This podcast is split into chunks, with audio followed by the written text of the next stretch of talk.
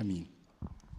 أثق أنه الرب يعطينا تعزية وتشجيع وتعليم من كلمته مش بس لبركتنا إحنا لكن كمان أصلي أن الرب يستخدمنا إحنا نكون بركة للنفوس المتعبة والقلقة المحيطة بنا سواء في عائلاتنا أو جيراننا.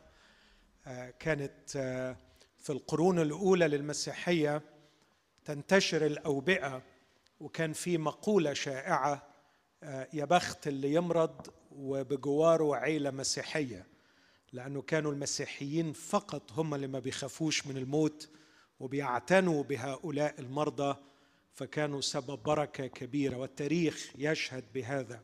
فليجعلنا الرب سبب بركة لبلادنا وسبب بركة لجيراننا ولعائلاتنا. أنا هقرأ معاكم بعد لحظات جزء من إنجيل متى بس أفكر إنه إنجيل متى هو إنجيل الملك يسوع.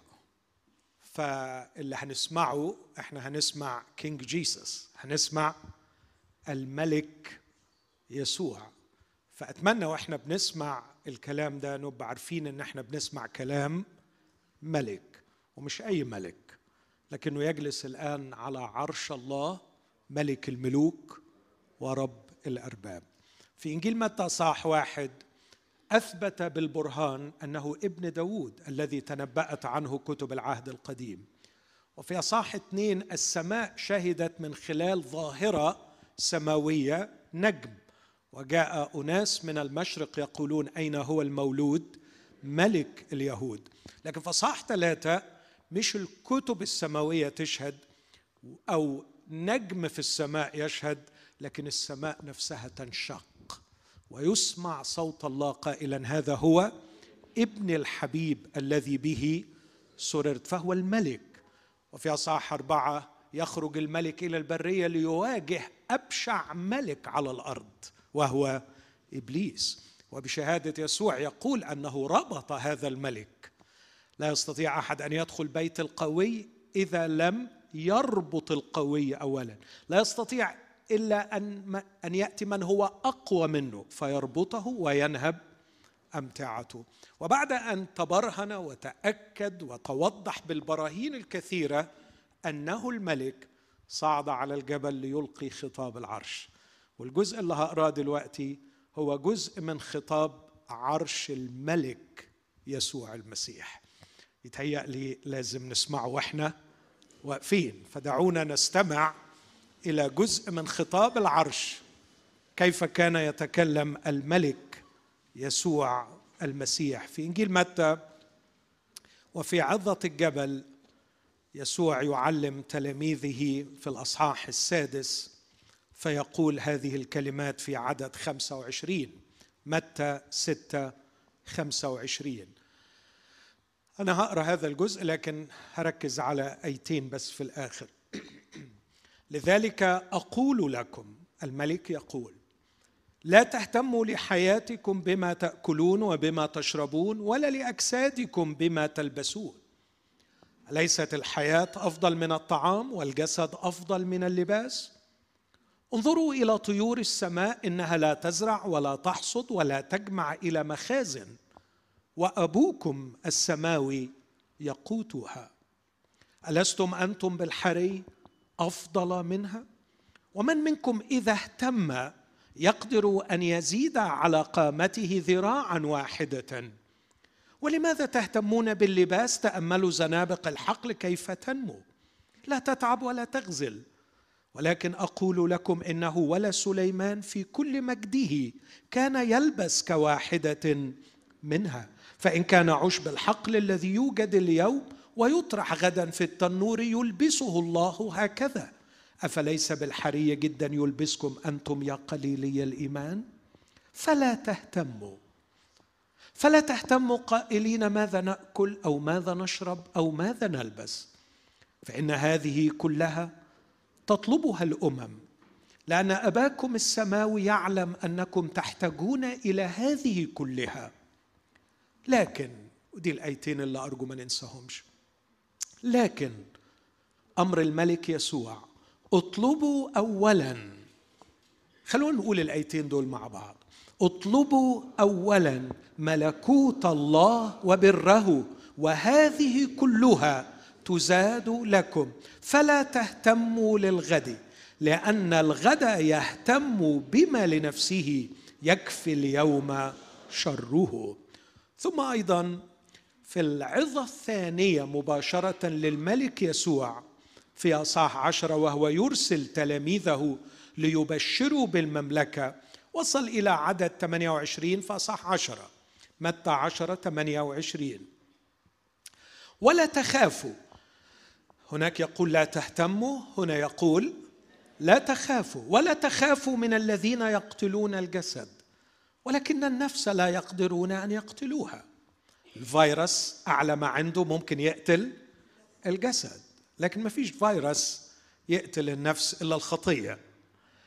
يقول هذه الكلمات الملك بل خافوا بالحري من الذي يقدر أن يهلك النفس والجسد كليهما في جهنم. أليس عصفوران يباعان بفلس؟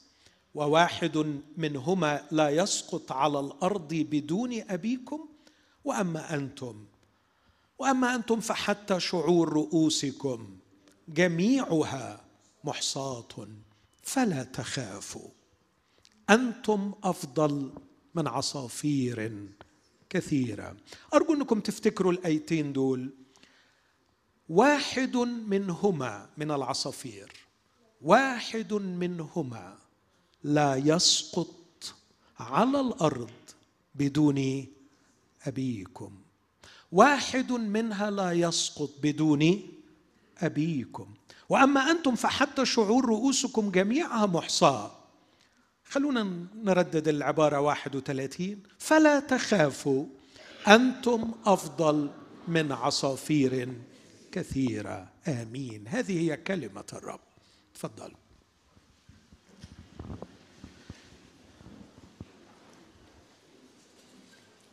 وأنا بشوف الهلع والرعب الذي يجتاح العالم آه أكيد جزء منه مبني على قراءة صحيحة للواقع فالفيروس خطير وسريع الانتشار آه، ويمكن أن يؤدي بحياة آه، بعض كبار السن والمرضى والذين مناعتهم قليلة. لكن أيضا أكيد هناك جزء من هذا الهلع مرتبط بتوتر موجود في قلب كل إنسان يجعله يبالغ في استقبال المخاوف. أعتقد أن النفس الثابتة والهادئة والمطمئنة تستطيع فعلا أن تتعامل مع الواقع حتى ولو كان الواقع مخيف تستطيع أن تتعامل معه بشكل أهدأ من هذا.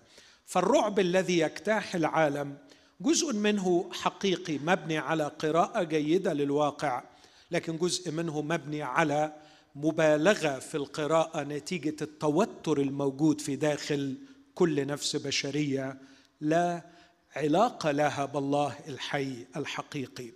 وأنا الحقيقة وأنا بتأمل هذا الهلع. جه لذهني عبارة قالها واحد من الفلاسفة المشهورين المعاصرين روبرت سي روبرت واحد من أساتذة الفلسفة العالميين في جامعة بيلور آه، في أمريكا. وصف الخوف ووصف المشاعر بشكل عام بهذا التعريف الدقيق الذي آه، أؤمن به وأقدره. يقول أن المشاعر بشكل عام والخوف بشكل خاص باعتباره جزء من المشاعر المشاعر هي تصور ذهني معين عن شيء يهمك. تصور ذهني معين بنيان ذهني معين عن شيء يهمك. وفي هذا التعريف للمشاعر أرى شيئين في غاية الأهمية. الشيء الأول أن هناك شيء يهمك. والشيء الثاني أن لديك تصور ذهني معين عن هذا الشيء الذي يهمك. وبالتالي عندما أرى الشخص في حالة هلع في حالة رعب أنا كطبيب نفسي أو كخادم محتاج أسأل الشخص ده أو أسأل عن الشخص ده ما الذي يهمه؟ وما هو تصوره الذهني عن هذا الذي يهمه؟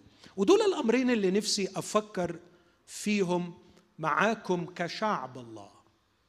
علينا أحبائي أن نسأل أنفسنا سؤالا في غاية الأهمية في هذه الأيام. ما هو الشيء الذي يهمنا؟ أكيد في حاجات كثيره بتهمنا لكني أؤكد لنفسي وأؤكد لكل واحد فيكم ولكل واحدة إن قائمة اهتماماتنا تحتاج إلى إعادة ترتيب. علينا أن نكتب القائمة في هذه الأيام وأن نراجعها. ما هي اهتماماتنا؟ ربما في الأوقات العصيبة في الأوقات الصعبة ربما أعظم فائدة نخرج بها وأنا عن شخصي على يقين أننا سنخرج بخير كثير من هذه الأزمة. مين يقول أمين معايا؟ أمين. أنا عندي إيمان وثقة أننا سنخرج بخير كثير. وقد يكون واحد من أهم الخيرات التي نخرج بها من هذه الأزمة هي إعادة ترتيب الأمور بالنسبة لنا. ما هو فعلا الشيء الذي ينبغي أن يسمى شيئا مهما؟ في أوقات الدلع في أوقات الراحة للأسف تقفز التوافه لتشغل قمة القائمة. وتتراجع الأمور المهمة بحق إلى ذيل القائمة. نحتاج أن نقف مع أنفسنا وقفة أمينة حقيقية كأناس عاقلين ناضجين نفكر بعمق ليكون المهم بالصدق هو المهم وليكون التافه بصدق تافها. إعادة ترتيب قوائم الاهتمامات وهنا نحتاج إلى كلام الملك يسوع. يسوع يفاجئنا كالملك ويقول إن الاهتمام بالصحة مهم الاهتمام بالطعام مهم الاهتمام باللباس مهم لكن هناك ما هو أهم. اطلبوا اولا كلمة اطلبوا مش اسك سيك اهتموا اولا. ركزوا اولا. انشغلوا اولا اطلبوا اولا ملكوت الله وبره. ثم هذه كلها. هذه كلها. هل تفكر في الصحة؟ هل فكرت في من أعطى الجسد وحفظه كل السنين الماضية؟ هل من أعطى الجسد وحفظه سيعصر عليه أن يضمن له الصحة؟ هل تفكر في إطعام هذا الجسد؟ أيهما أهم الجسد أم الطعام؟ الحياة أم الطعام؟ ايها أهم الجسد أم اللباس؟ إن كان الله أعطانا الأهم فهو حتما يهتم بالأقل أهمية. لكن إذا انشغلتم وإذا اهتممتم وإذا فعلا علتم الهم وتوترتم فليكن اهتمامكم وتوتركم توترا شريفا أمينا حقيقيا عميقا بأن يكون الاهتمام بملكوت الله وبره ثم الوعد أن هذه كلها تزاد لكم. لكن أيضا عندما أتأمل مش بس في ترتيب الاهتمامات وهرجع للنقطة دي وأقول إزاي نرتب الاهتمامات وما المقصود أن نطلب ملكوت الله وبره أقول أيضا إنه لابد أن يكون لدينا الذهن السوي الذهن الصحيح الذهن ال- الذي يقرأ الواقع بشكل صحيح.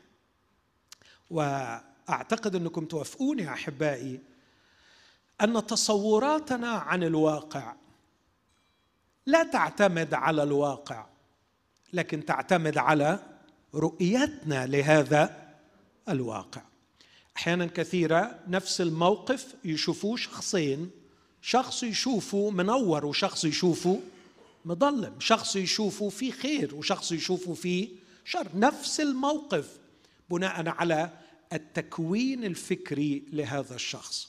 وبناء عليه يزعجني بشدة كخادم أن لا يكون لإخواتي الذهن الصحيح القادر على قراءة الواقع بشكل صحيح وبالتالي تكون ردود أفعال الشخص أفعال ردود أفعال غير صحيحة. بيتر دراكر واحد من دراكر واحد من أشهر وأكبر المدربين أو أساتذة الإدارة والتدريب في العالم. جمعوا له 100 CEO على مستوى العالم بتوع أكبر شركات وادوهم امتياز إنهم يقضوا مع بيتر يوم كامل آه، لكي ما يزيد من كفاءتهم التدريبية رغم أنهم قمة العالم في الإدارة.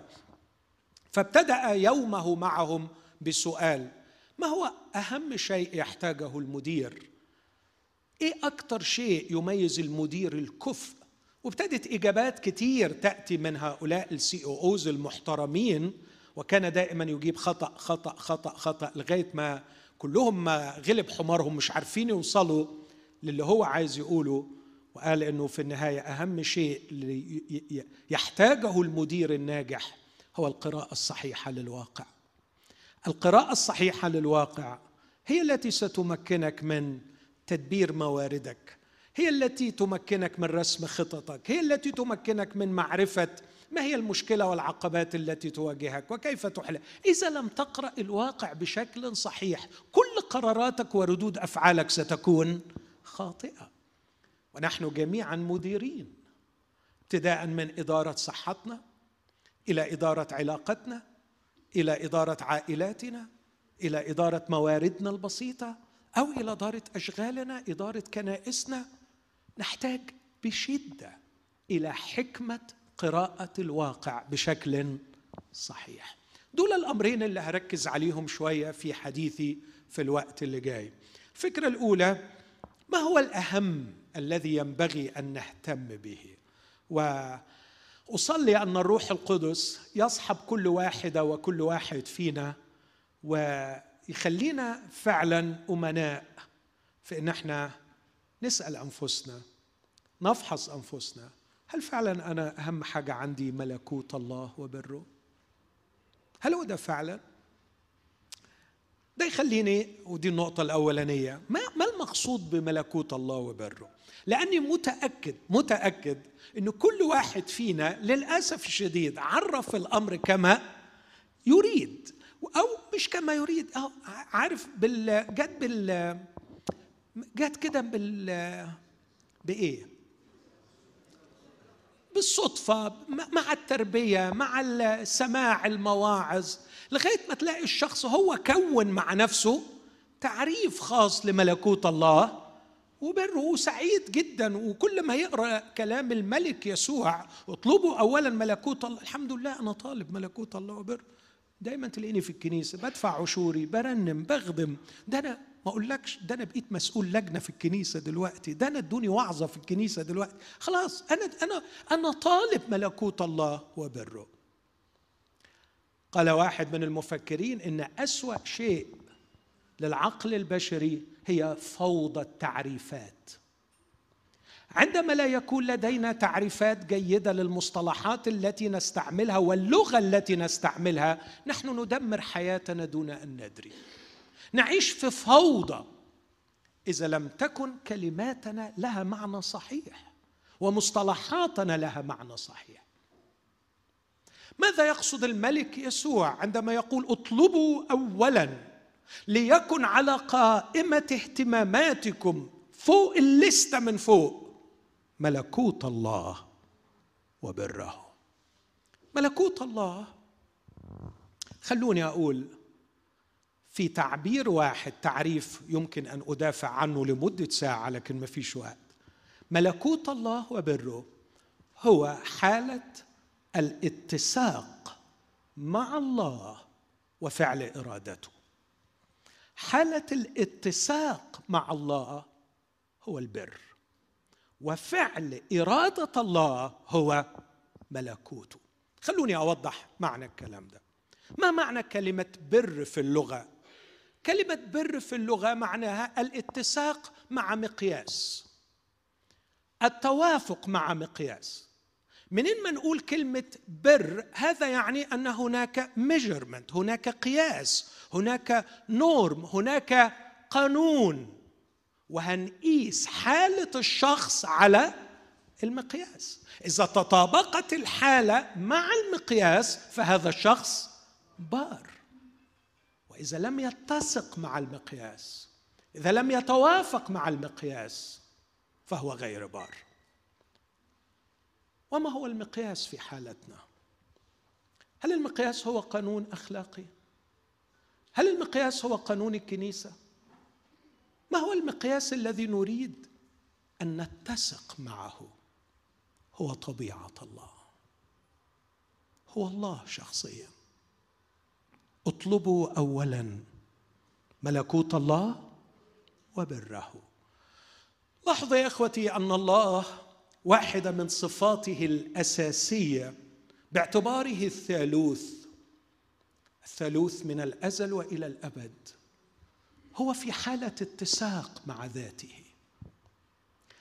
اللاهوت ليس في حالة استاتيكية ساكنة من الأزل لكن اللاهوت في حالة ديناميكية حركة ونشاط. الله لم يكن خاملا في الأزل. الله في حالة نشاط دائم. والله في حالة نشاط دائم في داخل ذاته بين أقانيمه. لكن العجيب جدا أن هذه الأقانيم تعمل معا من الأزل بنشاط دؤوب لكنهم دائما في حالة اتساق. حتى أن أباء الكنيسة الشرقيين سنوا مصطلحا لاهوتيا جميلا اسمه ال perichoresis أنا بخجل أترجمه بالعربي لكن هو تعبير لاهوتي محترم لأن كلمة ال perichoresis يقصد بها لو هترجمها حرفيا الرقصه الإلهية. وكأن الأقانيم الثلاثة وهي تعمل بتناغم معا من الأزل وإلى الأبد لا يمكن أن أحدهم يدوس على الآخر لكن الثلاثة شخصيات في الجوهر الواحد يعملون بتناغم. وكل منتج الجوهر الإلهي لابد أن يكون شيئا متناغما. لابد أن يكون متسقا لأنه لم يصدر عن إله عشوائي. هو إله منسجم متسق. فكل ما يخلقه وما ينتجه لابد أن يكون متسقا. لكنه خلق كائنات حرة اختارت الاستقلال عن الله. وعندما اختارت الاستقلال عن الله صارت تدور طبقا لحركتها الخاصة. فأصبحت تتصادم مع نفسها وتتصادم مع الآخرين بل وتتصادم مع الله نفسه. وأصبح لدينا كون خلقه الله وبه كائنات خلقها الله لكن هذه الكائنات العاقلة الحرة تدور في دوائرها وحول مراكزها الخاصة متصادمة مع نفسها متصادمة مع الطبيعة متصادمة مع الله نفسه وهذا ما يسميه الكتاب حالة العداوة مع الله. ولابد أن الله يتخذ موقفا من هذا. والموقف الإلهي الحالي هو محاولة المصالحة. مصالحة ما استقل مصالحة المتصادم معه لكي يعود ليرقص رقصة صحيحة يتحرك حركة صحيحة في تناغم واتساق مع الله. هذا هو التبرير.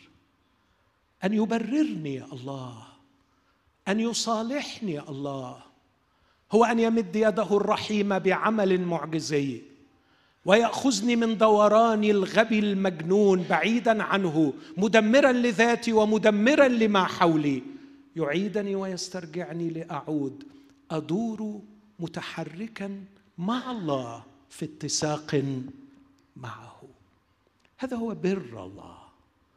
اطلبوا بر الله اطلبوا الاتساق مع الله اطلبوا الهارموني مع الله اطلبوا الانسجام مع الله. أعتقد ونحن نسمع الموسيقى والإيقاع اليوم.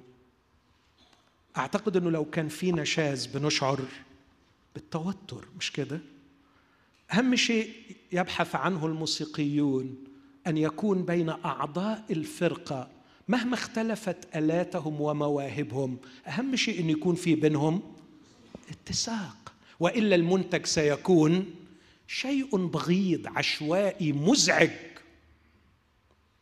ألا تشعرون بأن الكون مليء بالأشياء البغيضة المزعجة؟ الأشياء الأخلاقية الأشياء المادية. لماذا هذا الدمار؟ لأننا لم نعد في حالة اتساق مع الله. ما هو شغلنا الشاغل؟ ما هي الأولوية الأولى؟ ما هو الشيء الذي ينبغي أن كل شخص عاقل يهتم به قبل كل شيء وفوق كل شيء؟ اطلبوا اولا ملكوت الله وبره. اطلبوا الاتساق مع الله. لكن لألا كلامي يبدو أنه لاهوتي نظري. في الواقع العملي كيف أطلب الاتساق مع الله؟ يقول بولس الرسول لمؤمنين اتسقوا مع الله ونالوا البر البر الإلهي يقول لهم في فيليبي واحد تسعة أنه يصلي من أجلهم. اسمعوا لكي تزدادوا في المعرفة لكي تميزوا الأمور المتخالفة. مملوئين من ثمر البر الذي لمجد الله وحمده. أن تحبوا الرب وتشتهوا الاتساق معه.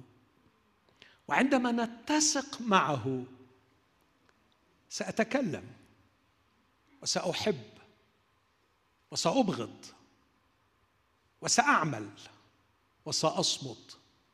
وفي كل حركاتي سيكون هناك ثمر. مملوئين من ثمر. ثمر إيه؟ يعني إيه ثمر البر يعني ثمر الاتساق مع الله. أقولها بشكل عملي أكثر.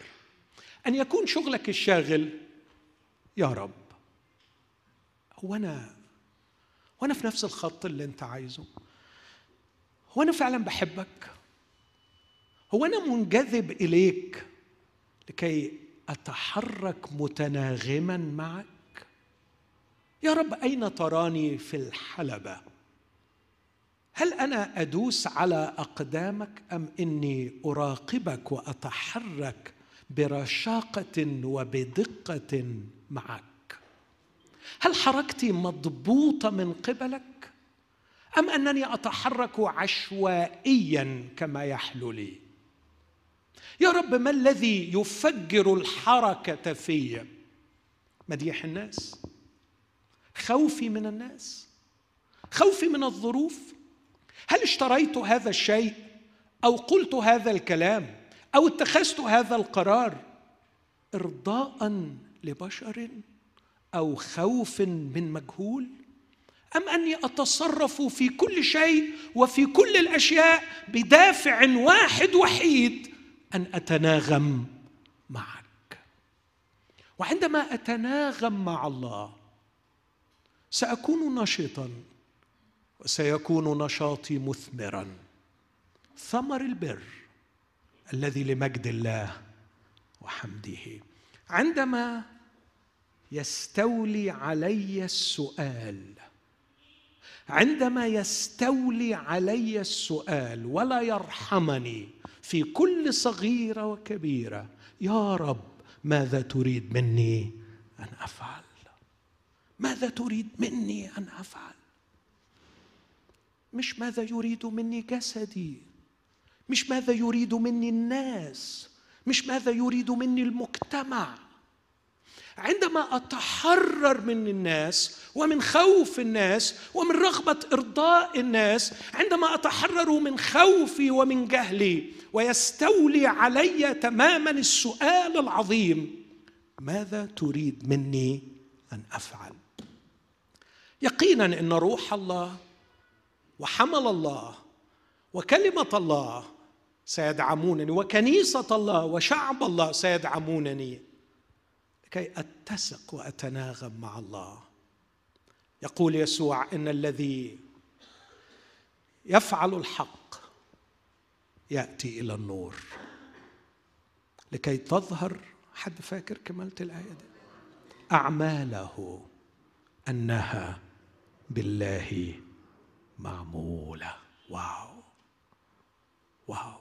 أعيش في الخفاء بعيدا عن أعين الناس برغبة واحدة وحيدة تستحوذ على كل الكيان أن أتناغم معك أن أتسق معك أن لا أتصادم معك أن لا أغضبك بل أحبك حبا حقيقيا من كل قلبي وفكري ونفسي وقدرتي راغبا أن في حركتي وفي سكوني في كلامي وفي صمتي في فرحي وفي حزني في قلقي وفي طمأنينتي. أكون دائما متناغما معك. إذا وصلت لهذا سأكون كشجرة مثمرة تعطي ثمرها. وهذا الثمر هو ثمر البر الذي لمجد الله وحمده. وماذا عن ملكوت الله؟ أكتفي بآيتين آية موجودة في متى ستة الأصحاح اللي قرينا منه عندما علم يسوع تلاميذه كيف يصلوا وعبارة أخرى من مثل في متى 21 مثل الابنين. يقول الرب يسوع في متى ستة في تعليمه لنا الصلاة الجميلة النموذجية العظيمة. أبانا الذي أما أنتم فمتى صليتم فقولوا هكذا أبانا الذي في السماوات. ليتقدس اسمك. مين يكمل؟ ليأتي ملكوتك. إيه اللي بعديها؟ ماذا يعني يأتي ملكوتك؟ لتكن مشيئتك. ملكوت الله هو الدائرة التي تتم فيها مشيئة الله. هذا هو تعريف ملكوت الله. تعريف بر الله أن تتسق مع الله. ملكوت الله هو الدائرة التي فيها تتم مشيئة الله. في إنجيل متى أصحاح 21 ضرب يسوع الملك وهو الملك في تعليمه وفي أقواله وفي خياله وفي تشبيهاته. يقينا كل من يقرأ ليسوع يستطيع أن يرى الإبداع والعبقرية في كلام الملك. يعلم اليهود قائلا في عدد 28 ماذا تظنون؟ كان لإنسان ابنان فجاء إلى الأول وقال يا ابني اذهب اليوم اعمل في كرمي. اعمل في كرمي. أبي لديه كرم. ويقول لي يا ابني اذهب اليوم اعمل في كرمي. إخوتي هل لي أن أقول بحزن؟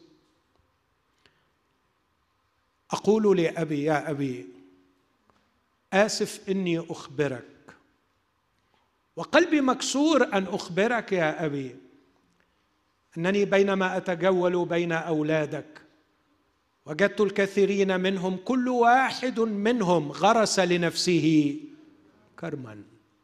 وهم جميعا يا أبي يعملون باجتهاد في كرومهم ولكنهم أهملوا كرمك كل له مشروعه الخاص مشروعه الشخصي مشروعه الكنسي مشروعه الطائفي مشروعه العائلي. ونسوا يا أبي كرمك. يقول الملك يسوع قال يا ابني اذهب اليوم أعمل في كرمي. فأجاب وقال ما أريد. ما أريد. أوثنتك أصيل محترم. عاصي لكنه محترم لأنه صادق. مش عايز. عندي كرمي اللي اهتم بيه. لا أريد أن أعمل في كرمك يا أبي. بس لأنه أصيل وحقيقي.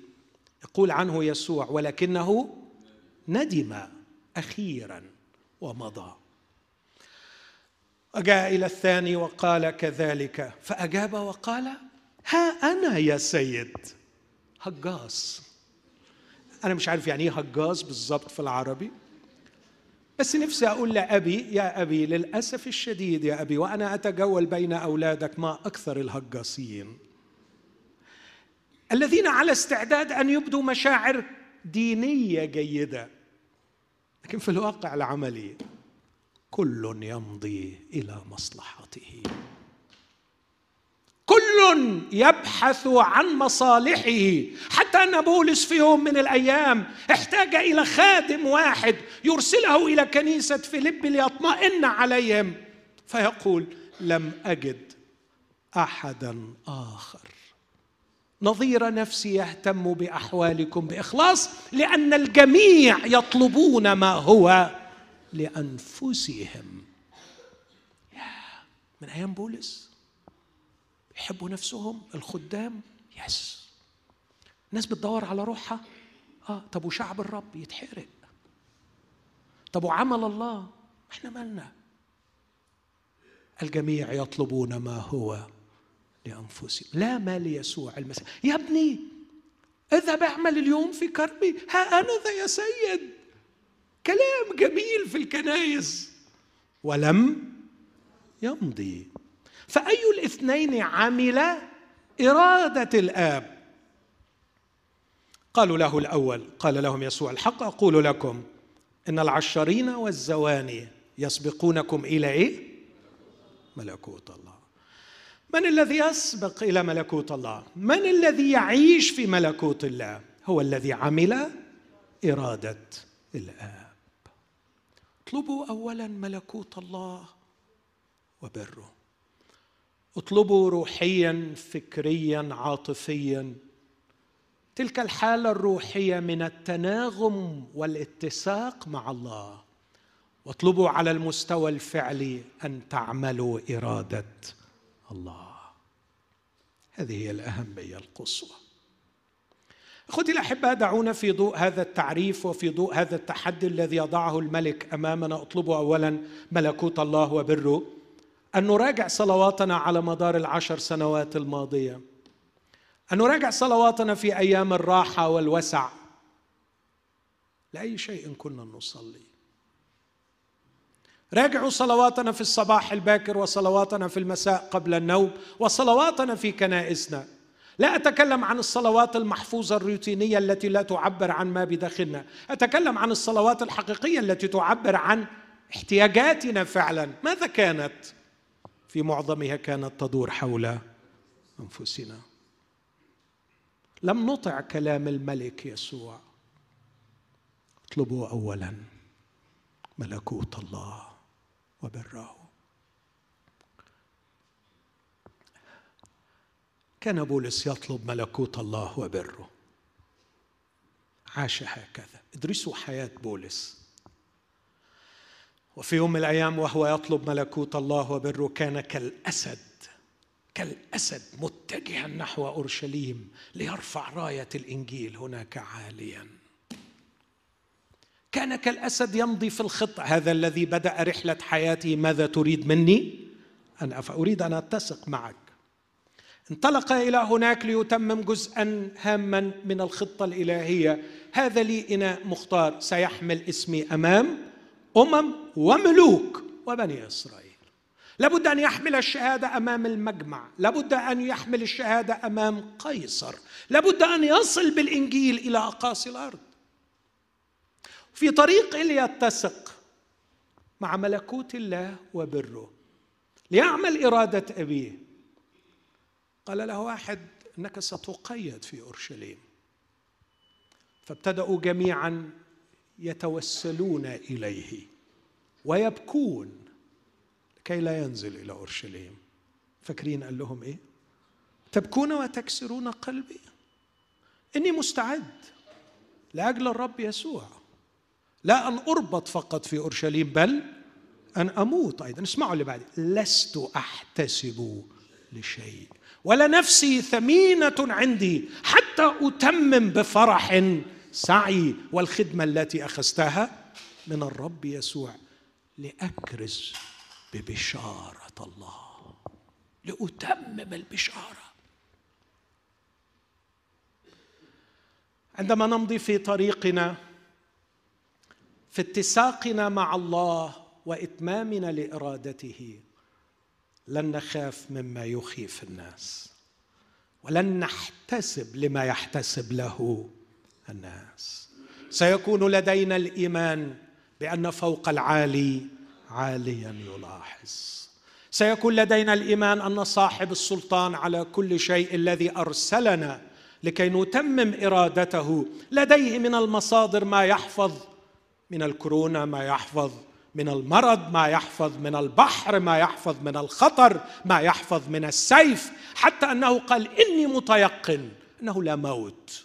ولا حياة ولا ملائكة ولا قوات ولا خليقة حاضرة ولا أمور مستقبلة. تقدر أن تفصلني عن محبة الله. وقبلها قال إننا حسبنا مثل غنم للذبح من أجلك نمات كل النهار. إني متيقن أنه من سيفصلنا عن محبة المسيح؟ شده أم ضيق أم خطر أم جوع أم عري أم سيف؟ لا شيء. بولس هو أنت مش لحم ودم زينا؟ يقول لي على فكرة زيك بالظبط. وعندي أمراض وبتوجع وبحزن وبخاف وبكتئب وبيأس. لكني غيرت لستة اهتماماتي. غيرت لستة اهتماماتي. اللي بيهم الناس ما بيهمنيش. واللي بيهم الله هو اللي بيهمني. فالأمور اتظبطت عندي. انتقل بسرعة إلى فاكرين أنا قلت هتكلم في كم نقطة؟ في اثنين بناء على كلام روبرت سي روبرت إنه المشاعر بصفة عامة ومنها الخوف والهلع هو عبارة عن تصور معين عن شيء بيهمك.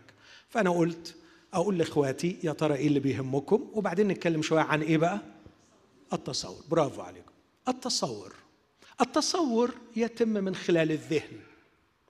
فلو لديك ذهن معطوب تصوراتك ستكون معطوبة. معطوبة يعني بايظة. حلوة بالظبط كده. معطوبة يعني بايظة. بس أنا على المنبر ما أقدرش أقول ذهن بايظ. فأنا بقول ذهن معطوب. فأنا ما قلتش بايظ. بس هو معطوب يعني بايظ. وهل من الممكن أن يكون أولاد الله عندهم ذهن بايظ؟ معقول؟ طب اسمعوا الآية دي. خطبتكم لرجل واحد لأقدم للمسيح عذراء عفيفة لكني أخاف أنه كما خدعت الحية حواء بمكرها. هكذا تفسد أو تفسد أذهانكم. يعني إيه تفسدها؟ تبوظها برافو عليك. فممكن مؤمن على فكرة أنا بكلم أغلى الناس على قلبي أولاد الله. اللي بحبهم من كل قلبي واللي مستعد أنفق حياتي لأجلهم. ومع كل حبي ليهم أقول كتير منهم عايشين بأذهان بايظة. والأذهان محتاجة تتظبط. الأذهان البايظه أشكال وألوان. والله ما يوريك. الله ما يوريك اللي الواحد بيشوفه في خراب الأذهان. ويا للهول عندما يفسد الذهن وفساد الذهن يتم على يد إبليس. الحية كما خدعت حواء هكذا تفسد أذهانكم. فالحية تفسد الأذهان. وآه من أشكال وألوان الفساد اللي الواحد بيشوفها. لكن خليني أكلمكم عن حاجة أو حاجتين بس من الأذهان الفاسدة. الحاجة الأولانية قالها الفيلسوف المسيحي بولس الرسول. الحاجة الثانية قالها فيلسوف معاصر من كاليفورنيا حاليا. كتب لنا عن سندروم بيعاني منه البشر في هذه الأيام. وصعقت عندما قرأت اسم السندروم الجديد ده. سندروم يعني متلازمة مرضية. اسمه empty self syndrome. متلازمة النفس الفارغة. ده مرض دلوقتي. مرض انتجته الثقافة الاستهلاكية الحديثة خربت أذهان الناس. هاجي للنقطة دي بعدين لكن خلوني أتكلم عن ما قاله فيلسوف المسيحية بولس الرسول وهو يصف حالة العالم بدون الله ويصف أخطر من وجهة نظري أخطر أنواع الفساد الذي يصيب الأذهان في رسالة رميه والأصحاح الأول. في روميا واحد يحكي بولس بإبداع تدهور التدهور الأخلاقي والمادي والعلاقاتي في حياة الإنسان. فابتدأ بالقول إن غضب الله معلن من السماء على جميع فجور الناس وإثمهم. وكلمة غضب الله معلن يعني عايز يقول هذا موقف الله تجاه الواقع الغير متسق معه الواقع المستقل عنه. وعشان كده الإنجيل مهم. هو قبلها بيقول أنا لست أستحي بإنجيل المسيح لأن فيه معلن بر الله. طب معلن بر الله ليه؟ لأن غضب الله معلن من السماء. فالله متصادم مع الواقع المؤلم ده لكن الإنجيل بيقول يا جماعة في حل في مصالحة. تعالوا الله مستعد يصالحكم معاه فتنجو من غضب الله. لكن غضب الله المتصادم مع الواقع أوصف لنا يا بولس الواقع اللي الله متصادم معاه وعشان كده غضبان بسبب فابتدى يوصفه لنا.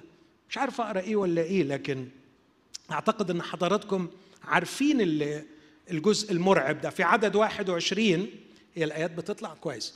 يقول لانهم لما عرفوا الله لم يمجدوه أو يشكروه كإله بل حمقوا في أفكارهم وأظلم قلبهم. هنا ممكن تترجم ذهنهم الغبي.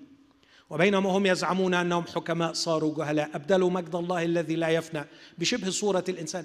معظمنا عارف الجزء ده لكن أنا عايز أوصل إلى عدد 28 يقول وكما لم يستحسنوا أن يبقوا الله في معرفتهم أسلمهم الله إلى ذهن مرفوض ليفعلوا ما لا يليق. مملوئين وبعدين يوصف 23 تدهور أخلاقي حل بالبشرية لأنهم لم يستحسنوا أن يبقوا الله. في معرفتهم. أسلمهم الله إلى ذهن مرفوض. ما هو الذهن المرفوض؟ ممكن أعرفه كأني طبيب بيشخص أعرفه من ال etiology أو من ال clinical symptom بتاعته. يا إما أعرفه من السبب بتاعه ما هو الذهن المرفوض؟ هو ذهن لم يستحسن أن يبقي الله. اسمع الآية. لم يستحسنوا أن يبقوا الله في معرفتهم فأسلمهم الله إلى ذهن مرفوض. يعني ذهن خالي من الله لأنه لم يستحسن أن يبقي الله في كيانه في معرفته في إطاره المعرفي. يريد أن يحسب كل حساباته بدون الله. يريد أن يجري كل معادلاته دون أن يدخل فيها طرف اسمه الله. فيها كل حاجة. فيها سين وصاد وعين وغين ولام و X و Y. بس ما فيهاش الله. ما رافي زكراياس المدافع الشهير عن الإيمان المسيحي رجل الله. كان في حوار مع بعض كبار رجال الدولة في أمريكا. فرئيس الكونغرس قال له ودي ودي رافي قالها لي شخصيا. قال له مستر زكرايز الكلمة الوحيدة دلوقتي اللي في الكونجرس ممكن تقلبنا على بعض وممكن تقسمنا وممكن تعمل مشاكل هي كلمة جاد الحساسية ما تدخلوش ربنا في الموضوع. عايزين مواضيعنا بدونه. اعزلوه من أمامنا. لا نريده لم يستحسنوا أن يبقوا الله في معرفتهم. كنت أقرأ اليوم خطاب أو قصة كتبها نيتشه. كنت حابب أنسخها بس ما كانش عندي وقت أقراها لكم. لكن ممكن تلاقوها اونلاين قصة مترجمة لنيتشه. مترجمة بالعربي اسمها الرجل المجنون. mad man يكتب نيتشه بعد أن أعلن موت الإله.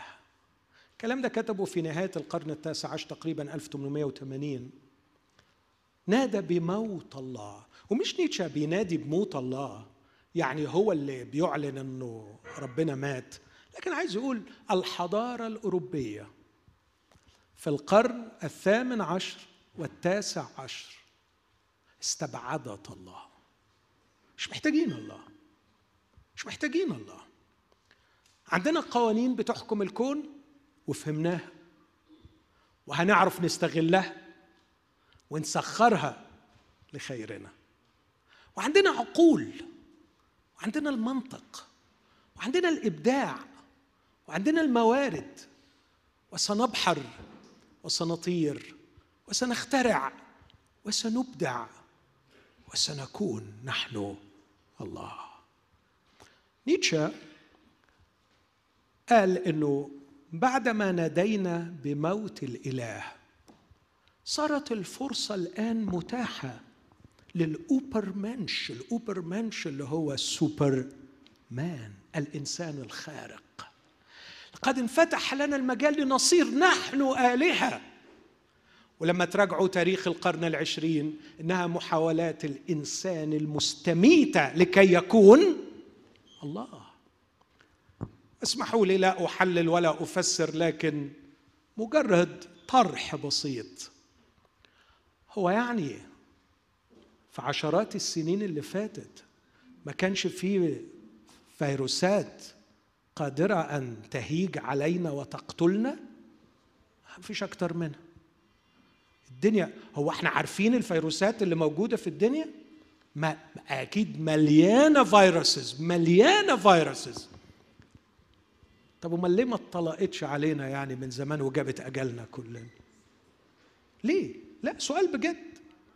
هي ليه الفيروسز يعني الشرسة العنيفة اللي أكيد موجودة بملايين الأشكال والأصناف ليه ما جابتش اجلنا من زمان؟ تعرف ليه؟ لأنه حامل كل الأشياء بكلمة قدرته. لأنه فيه يقوم الكل لأنه هو قال للفيروسات لا. لأنه هو لسه عايزنا نعيش. لأنه صاحب الكلمة الأخيرة ولسه ما جاش معاد الانتهاء. بس مش بعيد سمح. إنه يطلع بتاع عبيط كده صغير. حتى هم بيقولوا عليه ده ضعيف قوي. فطلع بتاع ضعيف للسوبرمان للأوبرمنش للبشر الذين تألهوا. وطلع لهم البتاع الصغير ده قفلها لهم. قفلها. بتاع صغير. هم بيقولوا عليه عبيط. هم بيقولوا عليه ده ضعيف قوي. وأنا مصدقكم إنه ضعيف. طب أمال إيه اللي أنتوا فيه ده؟ قفلت. العالم بيقفل. العالم بيقفل. إيطاليا قفلت. وكله ماشي بيقفل. ولم يبق لهم شيء. ياه! ياه! هل هل أنت أيها العالم بهذه الهشاشية؟ كم انفضحت في نظري. كم ظهر خزيك وضعفك.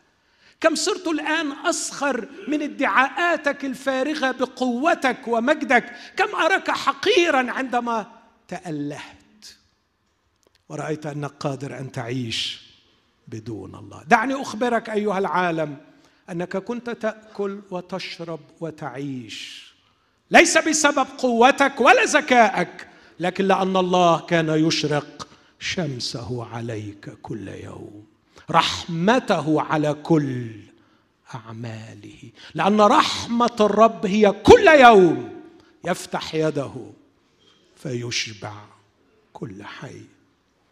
إياك تترجى وأنت تعطيهم طعامهم في حين. هل تعلم أيها العالم الغبي أنك كنت تعيش وتبتكر وتبدع وتطير وتخترع وتذهب وتروح وتجيء لسبب واحد أنك به تحيا وتتحرك وتوجد. لكن ما أغباك عندما عندما أكلت وعشت وتحركت ووجدت به وعندما على صوتك هجوته وتمردت عليه وسخرت منه ولم يستحسنوا أن يبقوا الله في معرفته. لكن الذهن الصحيح هو الذهن الذي يبقي الله في معرفته. كنت أقرأ هذه الآية في اللغة اليونانية وأتذكر كم البهجة التي ملأتني. وأنا أرى أن أول كلمة في العدد لم يستحسنوا. هي نفسها في اليونانية آخر كلمة ليفعلوا ما لا يليق. وكلمة يفعلوا ما لا يليق يمكن ترجمتها إلى ذهن غير قادر على الاستحسان. فهم لم يستحسنوا أن يبقوا الله في معرفتهم فكانت النتيجة أن ذهنهم صار غير قادر على الاستحسان. وكأن الله مصمم الذهن إنه يعرف يستحسن لما يبقى الله فيه. نظام التشغيل بتاعه كده. نظام التشغيل بتاعه كده. يعني تخيل كده واحد جاب جهاز معقد جدا وبعدين في حتة مش فاهمها بكل غشم قال خلاص ما دام مش فاهمها ارميها. فراح رماها وعايز يشغل الجهاز. عبيط مش هيشتغل. ذهن لا يستحسن. فقد قدرته على الاستحسان. الترجمة العربية مش وحشة وإن كانت مش حرفية يفعل ما لا يليق. يعني يعمل كل حاجة لا تليق بيك حاجة غلط. ماشي غلط. ماشي غلط. ماشي غلط. اقرأ ال 23 صفر نمامين مفترين مشحونين حسد غير طائعين بلا فهم بلا عهد بلا حن... يعني الماكينة اللي اسمها الإنسان مش شغال عشان تطلع إنسان. بتطلع أي حاجة تاني. ذهن فسد. أتذكر يوم ما قريتها قلت له يا يا رب. عندما تخرج من الذهن يفقد الذهن قدرته على الاستحسان. هؤلاء الناس لم يستحسنوا أن يبقوك في معرفتهم. أتذكر أن صلاتي يومها كانت يا رب أنا بقى عايز أبقيك بس عايز أبقيك قوي عشان أعرف أستحسن قوي.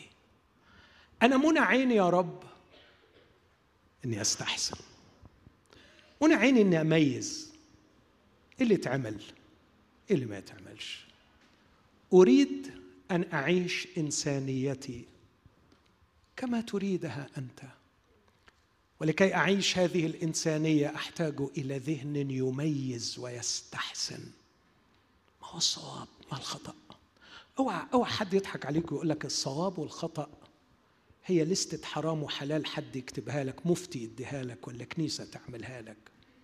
لكن ده قرار لحظي باستمرار. انت محتاج تستحسن وتقرر إيه الصح وايه الغلط. وعشان تعمل كده انت محتاج ان تبقي الله في معرفتك. ابقيه في معرفتي. ابقيه في معرفتي بس دي هتاخدني لنقطة تانية خطيرة للغاية. اسمحوا لي أرهقكم شوية. من هو الله الذي ستبقيه في معرفتك؟ أخشى أن يكون الله من صنع الخيال. أخشى أن يكون الله الذي صنعه اللاهوت الشعبي. أخشى أن يكون الله كما صنعه التفكير الرغبوي. التفكير الرغبوي عنده صورة معينة عن الله. مين الله؟ الله شخص طيب جميل تخين شوية طويل حبتين إيده قديرة قوي. أي حاجة تطلبها منه إديها لك. على فكرة ده جني علاء الدين ده مش ربنا. ده الجني بتاع علاء الدين. في ناس متصورة الله كده وفي ناس متصورة الله شخص لابس بدلة كده معينة عليها كم نجمة ومكشر دايما وماسك عصاية في إيده وعمال ياخد لك مخالفات. ده مش ربنا ده حد تاني خالص بس ما فيش دعوة لاسمه من هو الله؟ من هو الله الذي تبقيه في معرفتك؟ يعوزني الوقت أن أتكلم عنه لكن خلوني أقول بهذا الصدد. كتبت قصيدة زمان لله باعتبار اسمه الآخر الآخر. فأنا عبد الآخر. ما تزعلش لما أقول لك أنا عبد الآخر. الله واحد من اسمائه الحلوة اسمه الآخر. ثلاث مرات في العهد القديم ثلاث مرات في العهد الجديد. يدعو نفسه بأنه الأول والآخر. الأول المنبع والمصدر لكل شيء لكن هو أيضا الآخر الذي له الكلمة الأخيرة في كل شيء. لم يتنازل عن حقه قط لا لملك ولا لفيروس هو دائما صاحب الكلمة الأخيرة. آخر كلمة هو اللي يقولها. وبعد ما هو يقول محدش يقول. وقبل ما هو يقول ما تحطش قلبك على كل اللي بيتقال. أول من نطق بها كان شخص في قاع الألم وفي عمق المأساة. أيوب 19 وهو يشرح مأساته الكبرى لكن يختم ويقول علمت أن وليي حي والآخر على الأرض يقوم. هو الآخر. قلتم ما حلا لكم يا أصحابي وسحقتوني بكلامكم. لكني اود أن أقول لكم لا الظروف التي هاجت علي ولا كلامكم الذي سحقني. هو الذي يقرر نهايتي. نهايتي في يد ولي. وعندي خبرين حلوين. ولي حي. هو حي وهو ولي. تعرف ولي يعني إيه؟ فادي. إنه حي وهو أيضا فادي. لذلك هو الذي له الحق أن يقول الكلمة الاخيره لأنه حي ولأنه يعرف يفدي. يعرف يفدي يعني يعرف يسترجع ما يضيع. شعر 44 عدد ستة هكذا يقول الرب ملك إسرائيل وفاديه. رب الجنود أنا الأول وأنا الآخر ولا إله غيري. لا أحد معي. لا أحد معي.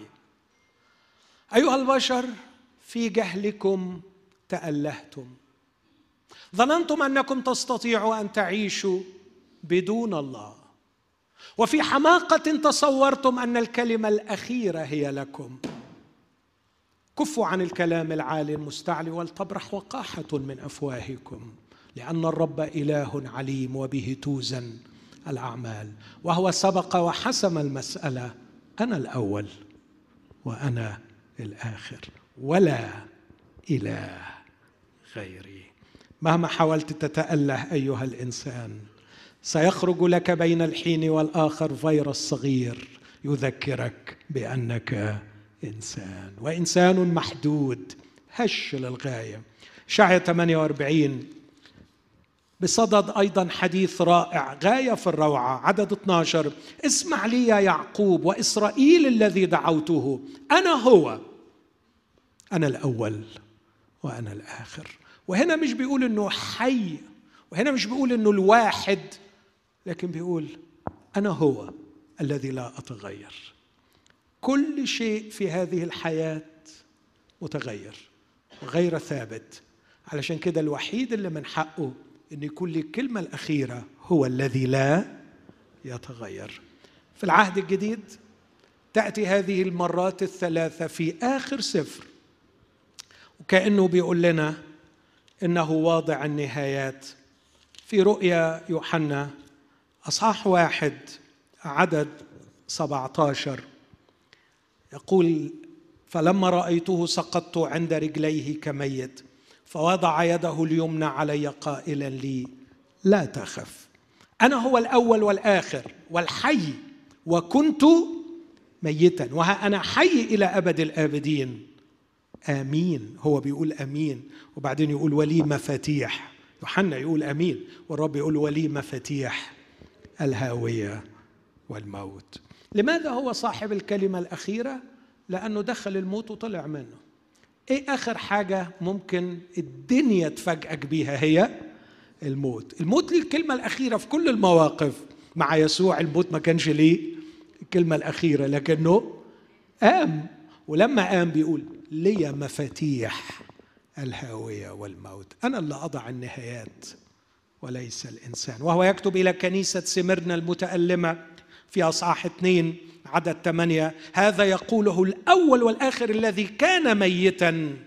فعاش. لا تخف عدد عشرة لا تخف البتة. لا تخف البتة. مما أنت عتيد أن تتألم به. هو ذا إبليس مزمع أن يلقي بعضا منكم في السجن لكي تجربوا. اسمع الكلمة اللي بعديها. ويكون لكم ضيق. أنا اللي أحدد مدته. وأنا اللي أحدد حدته. وأنا اللي أحدد مداه. لأني أنا صاحب الكلمة الأخيرة مش متسابة.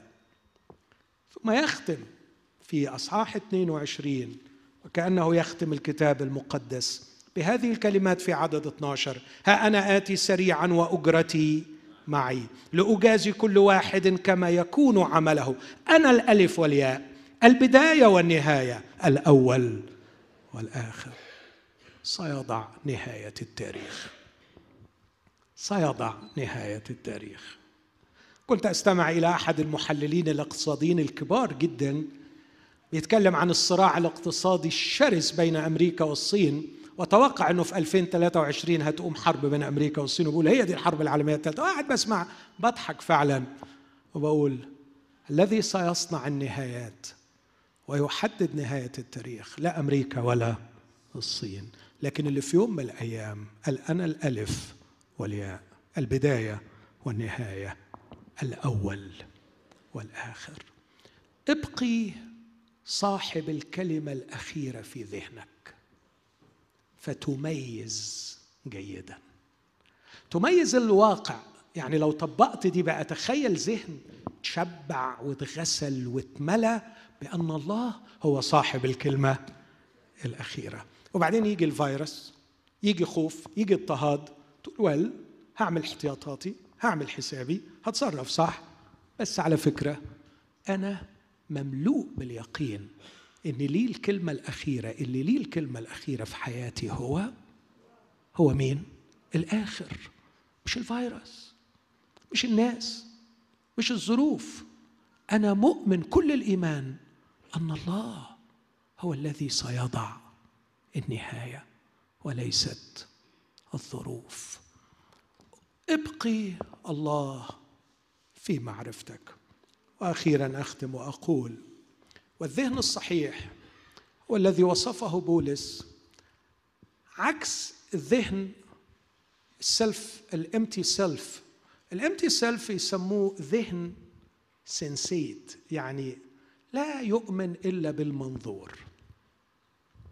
لكن الذهن الصحيح بيشوف عالم تاني عالم غير منظور. ونحن غير ناظرين إلى الأشياء التي ترى بل إلى التي لا ترى. وإحنا بنرنم النهارده.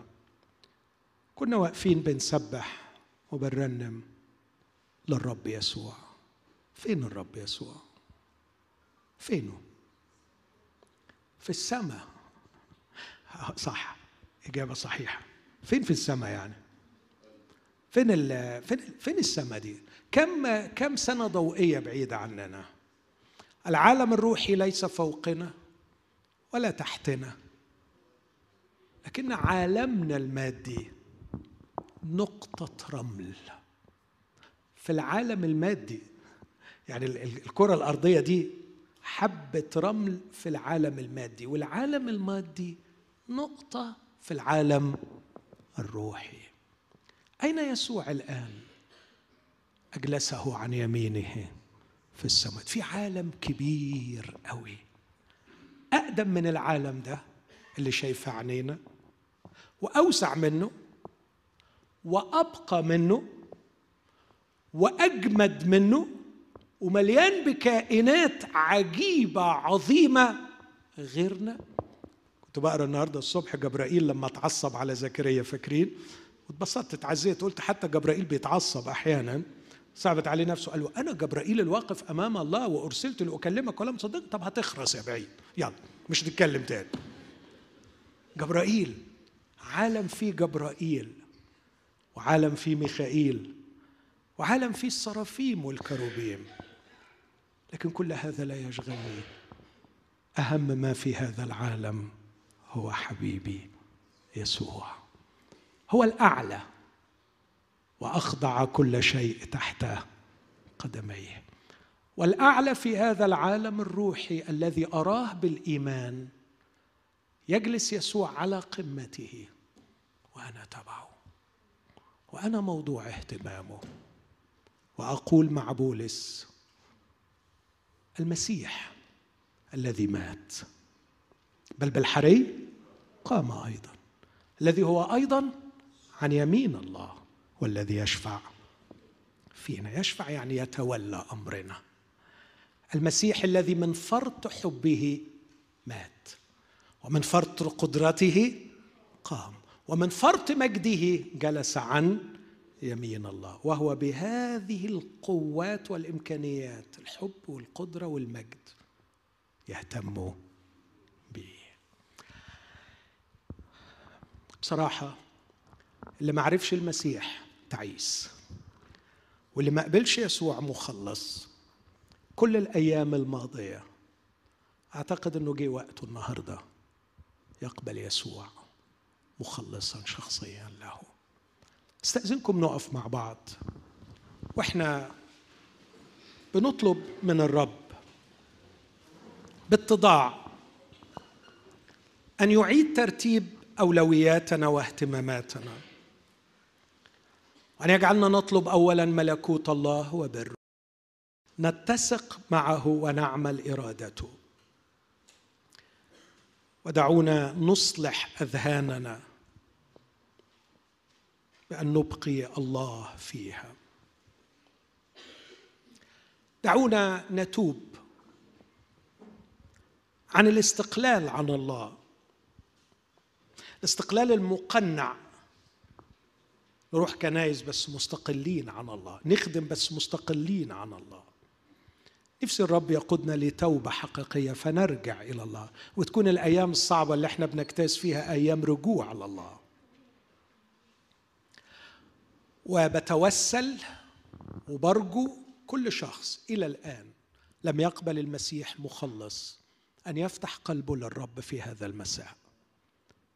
ادعوا الرب يسوع لأنه مكتوب وكل من يدعو باسم الرب يخلص. إذا دعوته ستخلص. نادي عليه لأنه هو بينادي عليك. سامح ممكن تيجي. عايزين عايزين نقول له ليك الكلمة الأخيرة. مهما قالوا من كلام. عالي وإيدك قديرة. ونفسي كمان ننادي على كل حد لسه ما قبلش الرب خلونا ناخد الدقايق اللي جاية دي في صلوات حقيقية مرفوعة وتسبيحات وتوبة. وإذا كان في حد نفسه يقبل المسيح مخلص. المسيح يدعوك بينادي عليك. فادعو أنت باسمه لكي تخلص. الكلمة قريبة منك. إن آمنت بقلبك بالرب يسوع. واعترفت بفمك أن الله أقامه من الأموات. خلصت. اقبل الرب مخلص. قل له ارحمني أنا الخاطي اغفر خطياتي غمض عينك وقول من قلبك أقبلك ربا وسيدا على حياتي. كل من يدعو باسم الرب يخلص.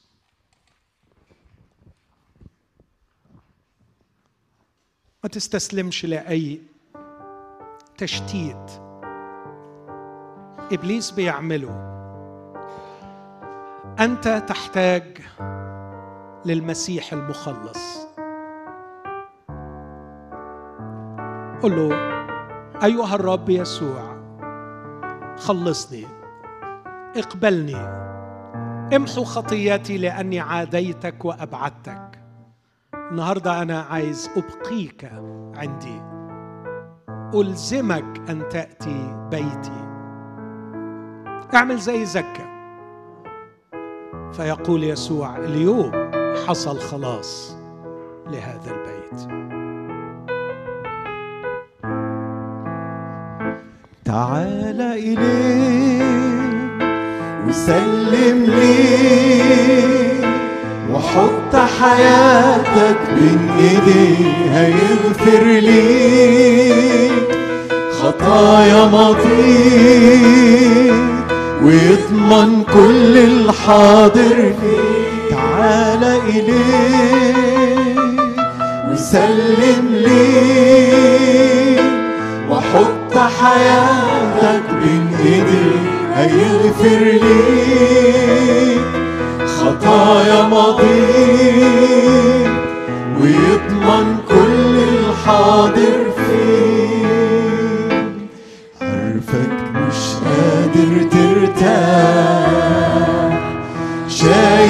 قلبك كله جراح عارفك مش قادر ترتاح.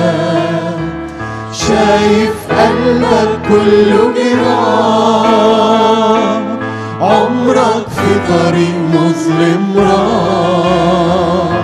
تعالى يسوع عنده الأفراح. تعالى يسوع عنده الأفراح. تعالى إليه تعالى إليه تعالى بالصدق سلم ليه وحط حياتك بين ايديه هيغفر ليك خطايا ماضيك ويضمن كل الحاضر تعالى إليه. تعالى إليه تعالي إليه وسلم ليه وحط حياتك بين ايديه تطمن. هيغفر ليك خطايا ماضيك ويضمن كل الحاضر. يا رب قبل ما نفرح بيك ونعلن إيماننا بسلطانك أتضرع إليك أن تجذب كل خاطي بعيد إليك يا رب. أتضرع إليك أن تقنع كل شخص. مازال بعيد عنك. وأنت بتقول له تعالى أتوسل إليك يا أبانا أن تجذب إلى يسوع. لتريح التعابه كما وعدت. آمين. خلونا نفرح بيه. وإحنا بنقول له أنا عارف إنه ليك الكلمة الأخيرة. حكمة أنت. مهما قالوا من كلام. عالي وإيدك قديره بالحكمة إنت وحدك ماسك زمام الأمر. كل الخيوط في يدك وامين بطول العمر. بالحكمة إنت وحدك ماسك زمام الأمر. كل الخيوط في يدك وامين بطول العمر. ليك الكلمة الأخيرة مهما قالوا في كلام. عالي وإيدك قديرة قلبك مليان حنان ليك الكلمة الأخيرة مهما قالوا في كلام. عالي وإيدك قديرة قلبك مليان حنان صالح انت ومحسن صالح بطول العمر وفي سترك انت نسكن مهما السنين بتمر. صالح انت ومحسن صالح بطول العمر وفي سترك انت نسكن مهما السنين بتمر. مهما الظروف وانمرت تفضل وساند في اصعب الاوقات مهما الظروف تعانت وانمرت الازمات تفضل بتقود وساند في اصعب الاوقات ما إلا الخير مهما المشهد ظلام كله امرك يصير دي وعودك مش كلام ما بيدي إلا الخير مهما المشهد. ظلام كله امرك يصير دي وعودك مش كلام تفاصيل العمر عندك وحاسبها بالإتقان وحياتي هي ملك حبك أفضل ضمان. تفاصيل العمر عندك وحاسبها بالإتقان وحياتي هي ملك حبك أفضل ضمان. يدينا من تشوفك وتصدق بالإيمان. مفيش أمر يفوتك وفي إيدك قولها بإيمان اديني يا رب. اديني عين تشوفك وتصدق بالإيمان. ده مفيش أمر يفوتك وفي إيدك السلطان. يا حبيبي ساعدني أشكر وأسلم واستريح واخضع لك ربي واصبر حكمك صحيح يا حبيبي ساعدني اشكر وأسلم وأستريح واخضع لك ربي واصبر. انت حكمك صحيح يتبعني يتبعني خير ورحمة. دايما وفي كل يوم اكليل احسان ورأفة فوقي دايما مين يتبعني يتبعني خير ورحمة دايما وفي كل يوم اكليل احسان ورأفة فوقي دايما يدوم وأنا تايه بتراقبني.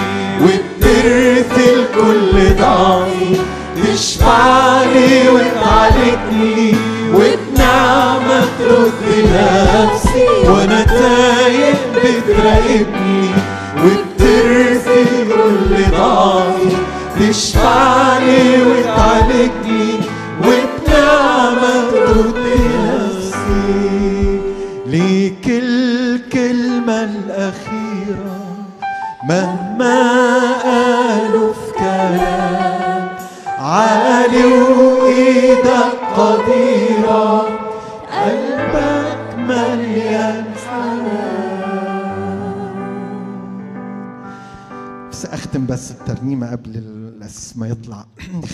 نقول له كده تسبيح اللي خارج من جوانا من ناس عايزاك يا رب تبقى أنت جوه قلوبنا.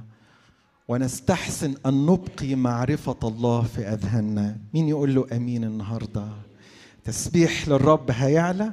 تعال عليها تعال عليها حتى لو حواليك خوف لكن طول ما معرفة الله في ذهنك وفي قلبك ذهنك مش فاسد لكن هتقدر تقول يا رب أنت ليك السلطان وحدك. بعلن إيماني شايف إلهي للسلطان وحده. عشان كده هفرح عشان كده هبتهج واسبح واغني واعليك ملك ورب وسيد. تسبيح للرب بتعلى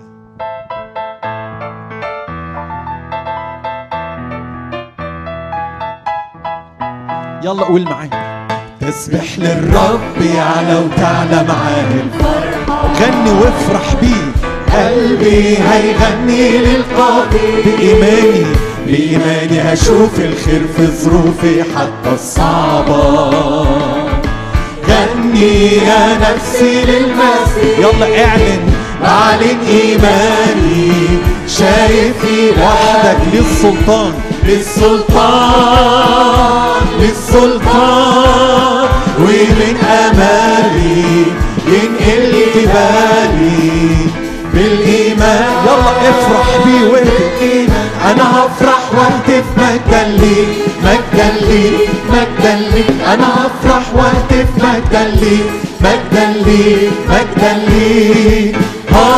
هاليلويا هاليلويا هاليلويا هاليلويا اعلنوا وحده بعلن يسوع ملك واحد على كل حياتي. قلبي هيغني للمسيح وبصوت الحمد رح أشهد له تثبت صلاتي. غني يا نفسي للمسيح اديله ارادتك عمري وحياتي. كل أهدافي. للمسيح للمسيح واليوم ما امين يا رب.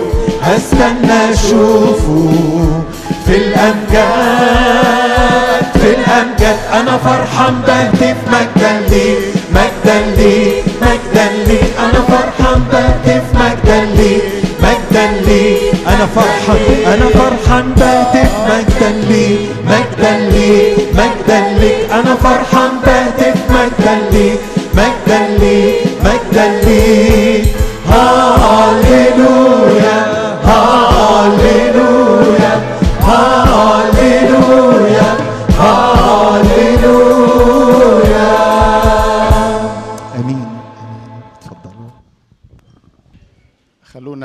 الرب بتقديم عطايانا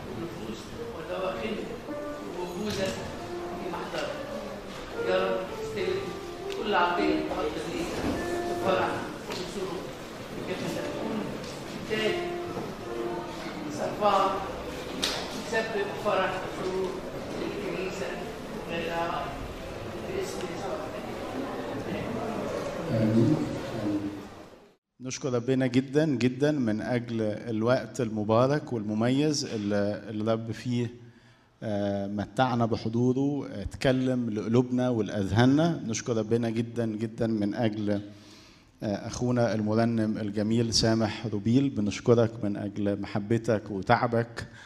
استمتعنا بالوقت. ربنا يباركك ويستخدمك باستمرار. شكرا للدكتور ماهر الرائع المميز. مزيد من البركة ومن الاستخدام دائما. عايز نختم وقتنا وننطلق مش بالإعلانات لكن ننطلق بالترنيمات. يا يسوع مجدك مجدك راح يعلى.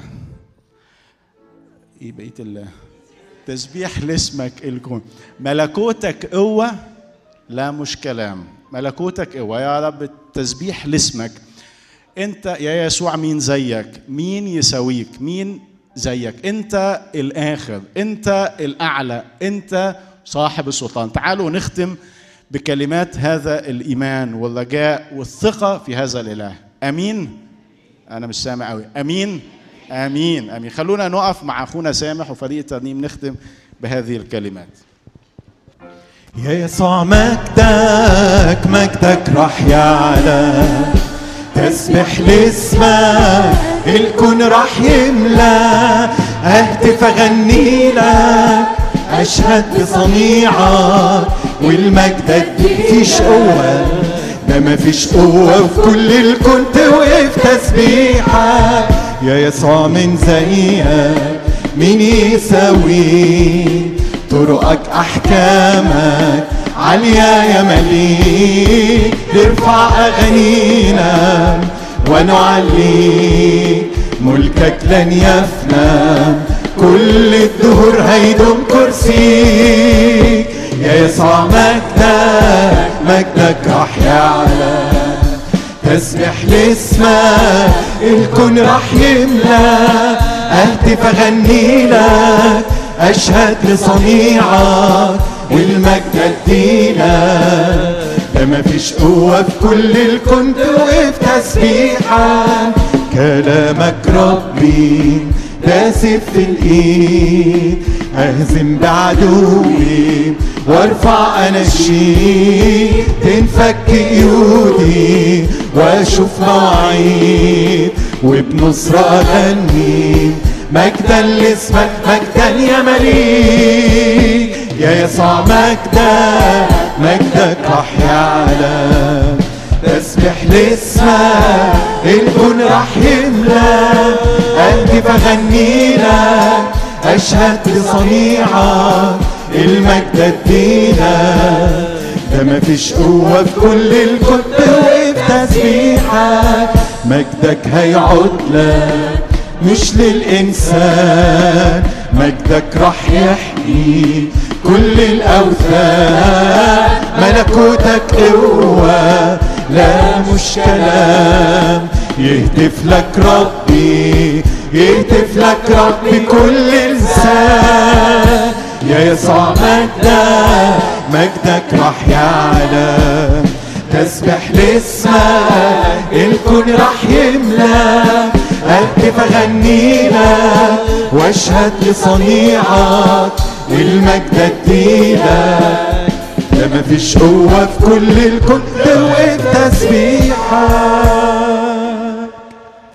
والقادر أن يحفظنا غير عاثرين ويوقفنا أمام مجده بلا عيب في الابتهاج. الإله الحكيم الوحيد مخلصنا له المجد والعظمة والقدرة والسلطان. نعمة ربنا يسوع المسيح. محبة الله الآب. شركة الروح القدس تكون معنا تدوم فينا الآن وإلى الأبد.